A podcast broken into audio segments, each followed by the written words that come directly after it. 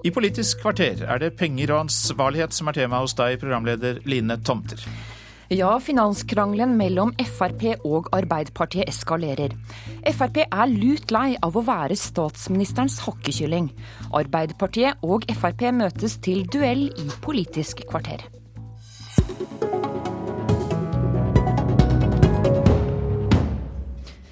Latterliggjøring fra statsministeren møter Frp når de uttaler seg om økonomi.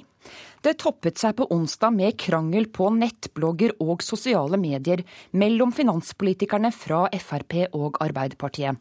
Pengekrangelen startet når syrlige kommentarer falt i Stortingets spørretime. Statsminister Stoltenberg. President, På mange måter så foretrakk jeg det gamle Fremskrittspartiet. For de var ærlige og sa vi ønsker å bruke mer penger. Eh, og Da var man tydelig og ærlig på det, og så forsvarte man det. Nå prøver man å konstruere nye måter å utgiftsføre pengebruken på for å skjule at man faktisk ønsker en kraftig økning i pengebruken. President, en, en, da går vi videre til neste. Det er ikke anledning til ordet for å oppklare åpenbare misforståelser i den muntlige spørretimen, så jeg ber representanten å respektere forretningsorden.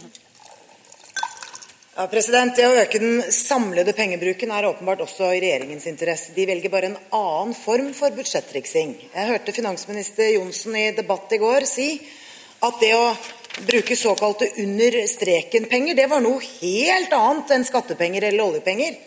Da vil jeg jo veldig gjerne få statsministerens syn på hva under streken-penger er. Statsminister Stoltenberg. President, Jeg er glad for spørsmålet om hva er under streken-penger. Det er jo for spesielt interesserte, eh, og der er jo vi begge.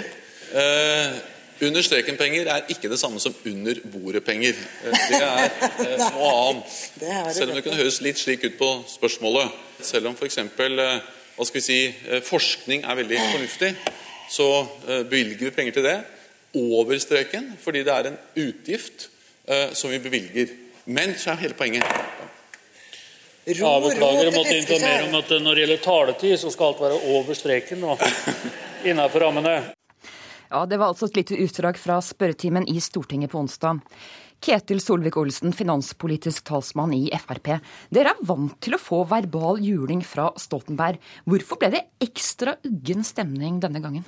Jeg er ikke vant med å få juling fra Stoltenberg, men jeg er vant med å få mye syrlige kommentarer fra Stoltenberg. Jeg er utdannet sosialøkonomi, så jeg er veldig trygg på den politikken Frp fører, og de argumentene vi har. Det som jo er Stoltenbergs lille utfordring nå, det er at vi begynner å pirke borti en del vedtatte sannheter og vise at de ikke er så sanne likevel. Mye av dette handler om å diskutere er vei og jernbane en investering, eller er det kun en utgift. I statsbudsjettet så kan vi altså bruke penger utenfor handlingsregelen til å kjøpe aksjer i SAS. Vi kan bruke penger utenfor handlingsregelen til å bygge flyplasser. Men vi kan ikke bruke penger utenfor handlingsregelen til å bygge veier. Og det er der diskusjonen går. Torgeir Micaelsen, finanspolitisk talsmann i Arbeiderpartiet. Du er med oss i studio fra Drammen.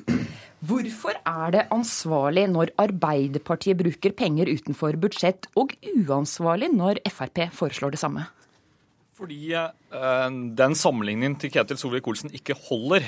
Jeg er veldig for veier. Jeg vil gå så langt og si at jeg elsker veier og bruker nye og bedre veier. og derfor skal vi ruste opp eh, veiene i Norge på en helt annen måte enn vi har sett tidligere. Men det har den forskjellen ved seg at de må betales, og de må betales nå. Så har de mange gode effekter litt senere i tid, men å sammenligne det f.eks. med å flytte penger fra én konto i staten til å kjøpe aksjer i selskaper som vi får løpende inntekter fra, eh, renter, eh, utbytter osv. fra selskaper, den er rett og slett ikke holdbar. og Derfor eh, står Fremskrittspartiet fortsatt veldig alene, selv om de nå mener at de har funnet noen sånne budsjettekniske ting som gjør at de skal framstå som mer ansvarlige. Det er ingen andre i Stortinget som mener dette. Og uh, det har også vært en regel som har blitt praktisert på denne måten i over ti år, og de resultatene ja. som landet har stått uh, Men Michaelsen, det, er, det er en ting jeg ikke skjønner her. fordi at Når jeg betaler veiavgift, bensinavgifter osv., hvorfor er ikke det inntekter for staten? Staten får jo mer penger av det. Absolutt, uh, og derfor bruker vi de pengene til bl.a. å bygge veier over statsbudsjettet og til andre viktige formål, fordi veitrafikk også fører med seg dessverre noen ulykker og, og, og miljøskader osv.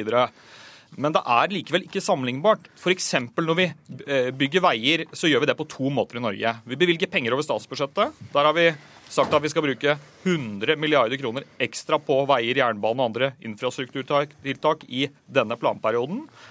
Og så er det noen som sier da at det ikke er nok, og det er det mange politikere over hele landet som sier, inkludert Fremskrittspartifolk. Men nå skal sier... vi ikke ha en samferdselsdebatt her. Nei, det er, det er en snakk om finansiering. Ketil Solvik-Olsen, nå får du ordet. Jo, fordi at her gir han inntrykk av at det er forskjell på disse tingene. Men altså, hvor mye løpende inntekter har vi fått fra SAS de siste årene? Vi har brukt 1,3 milliarder kroner utenfor handlingsregelen. Vi kan altså gi oljepenger til å finansiere flyvertinner, men du får ikke lov til å gi de samme pengene til å finansiere veiarbeidere. Da hadde du brutt handlingsregelen. På samme måte når det gjelder flyplasser. Avinor har fått oljepenger utenfor handlingsregelen, og de får inntekter fra flypassasjerene. Men det er jo en selskapsteknisk struktur. Hadde du gjort det samme på veier, så hadde du altså hatt, kunnet tilført et veiselskap opptil 60 milliarder kroner i bilrelaterte avgifter hvert år. Det hadde vært en fantastisk inntekt, og de kunne gitt store utbytte til staten, akkurat som Avinor i dag gir ganske små utbytte til staten. Så det er ingen forskjell på dette. Det som det, som det kommer ned til, det er at når staten i revidert statsbudsjett har fått 5 milliarder kroner ekstra i skatteinntekter fra fastlandet. 27 milliarder kroner ytterligere for olja, men si, vi diskuterer de 5 milliardene som har kommet innenfor budsjettet eh, på skatteinntekter. Det er det samme som det vil koste å bygge ut Ryfasttunnelen. Men Ryfasttunnelen skal vi bompengefinansiere til 6,5% Nå blir dette veldig teknisk. Ja, nei, men poenget her det, det, det er at vi låner ut oljepenger til Tyskland til 1,8% rente, og så skal vi låne inn penger til Norge til 6,5% rente for å bygge en tunnel. Ja. Michaelsen, hvor sikker er du på at denne finansieringsmodellen som dere kjører, er den beste for norske skattebetalere og, for, og bilister? Vi tror i hvert fall at de resultatene de siste ti årene har vist at det har tjent Norge godt. og det er jo også... Eh, Men er det alltid det billigste for bilistene?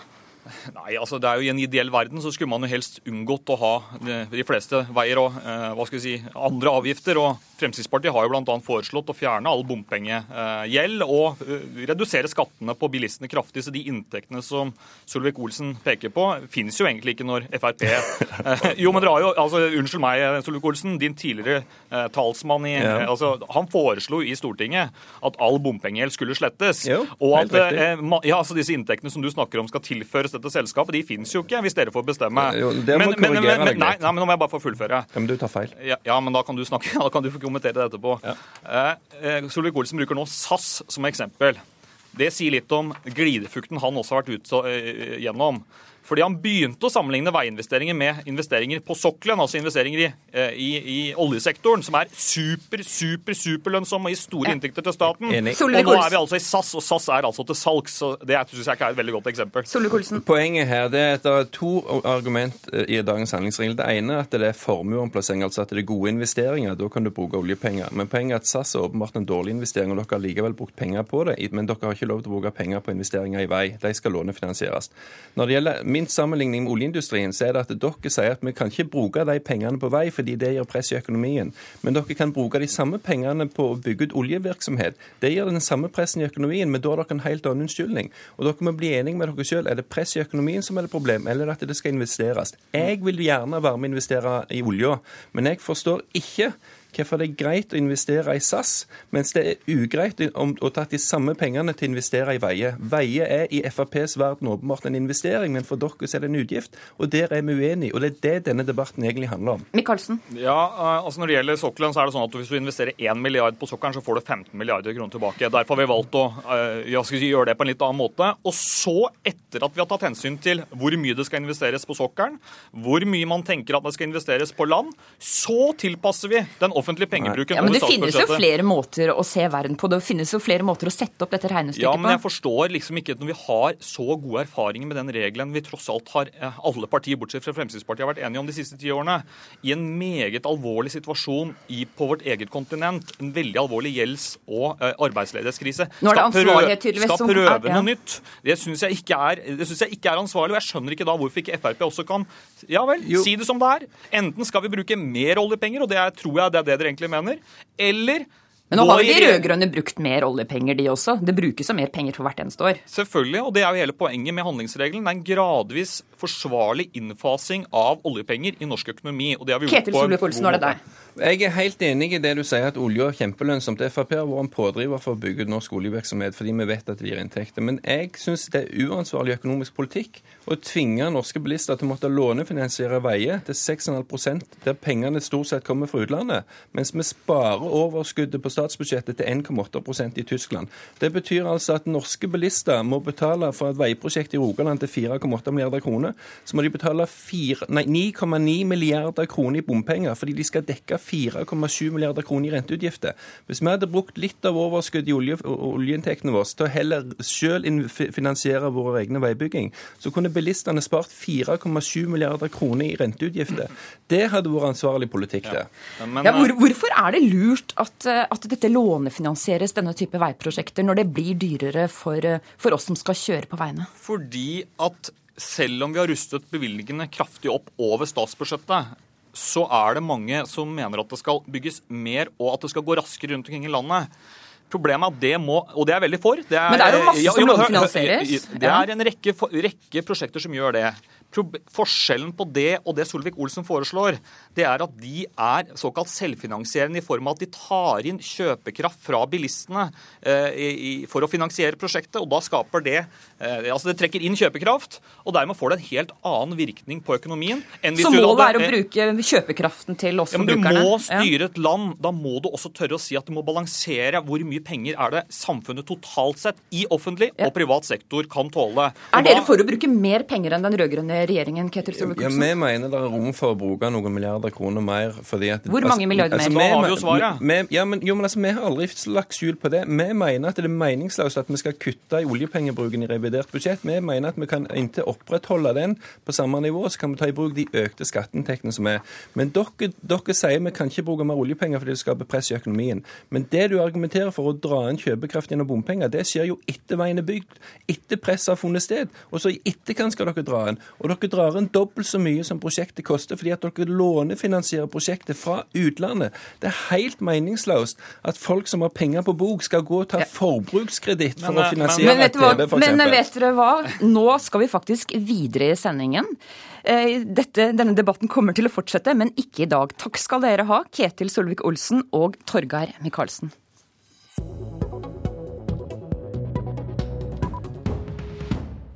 Fiskerne i Nord-Norge risikerer store tap fordi Olje- og energidepartementet ikke vil lytte til fornuft, hevder Norges Fiskarlag. Departementet har bestemt at det skal skytes seismikk utenfor Helgelandskysten på samme tid som forskerne skal kartlegge makrellressursene i Nord-Norge. Lederen i Norges Fiskarlag, Reidar Nilsen, hva blir konsekvensen for fiskerne? Ja, Da må jeg dra det inn i et internasjonalt perspektiv. Fordi at eh, Norge sammen med EU og For å finne ut hva som er norsk andel, så er det bestemt at vi skal foreta en måling og telling av makrellen på den norske kysten, i dette tilfellet Nordland og nordover. Samtidig da som han Ola Borten Moe skal skyte seismikk med båtene sine i samme område. Det er det som opprører meg og fiskerne i det her. Ola Borten Moe han er ikke til stede. Han har heller sendt statssekretær i Olje- og energidepartementet Per Rune Henriksen. Og Henriksen, hvorfor velger dere å overkjøre fiskerne i denne saken? Vi overkjører ikke fiskerne. Vi har eh, spurt eh, fiskerne ved flere anledninger hvilke tidspunkt som vil være å foretrekke. Og Nå har vi planlagt å gjennomføre det i juli måned. og Det er fordi at eh, vi vil ikke påvirke gyting, og fordi perioden, det, er en periode med lav fiskeriintensitet. Så er det klart at den eh, situasjonen med, med toktet fra Havforskningsinstituttet, det må håndteres. Og Der har vi en god dialog og regner med at dette her skal vi kunne håndtere godt i samarbeid med med Havforskningsinstituttet. Ja, Nilsen, nå hører vi at det er en god dialog her. Hvordan føler du også at dette er en god dialog? Det, det må jeg si at hvis man sitter i Oljedirektoratet og i eh, Olje- og energidepartementet, så er det mulig at man kan føle det sånn. Det er nøye planlagt når denne seismikkskytingen skal finne sted. Jo. Når er det egentlig det passer for fiskerne ja. at det finnes sted se seismikkskyting? Ja, vi har anbefalt at man skal gjøre det her utpå høsten, sent høsten, når både fisket er over og når, når HI eh, er ferdig med sine tukt. Henriksen, hvorfor kan ikke dere bare forflytte flytte denne seismikkskytingen til senhøsten? Dette har vært eh, planlagt lenge, og uh, Fiskarlaget har vært uh, konsultert flere ganger. Så per, per, i dag, så vidt jeg har fått opplyst, så har ikke vi fått noe anbefalt fiskeriinnsamlingsperiode fra, fra Fiskarlaget.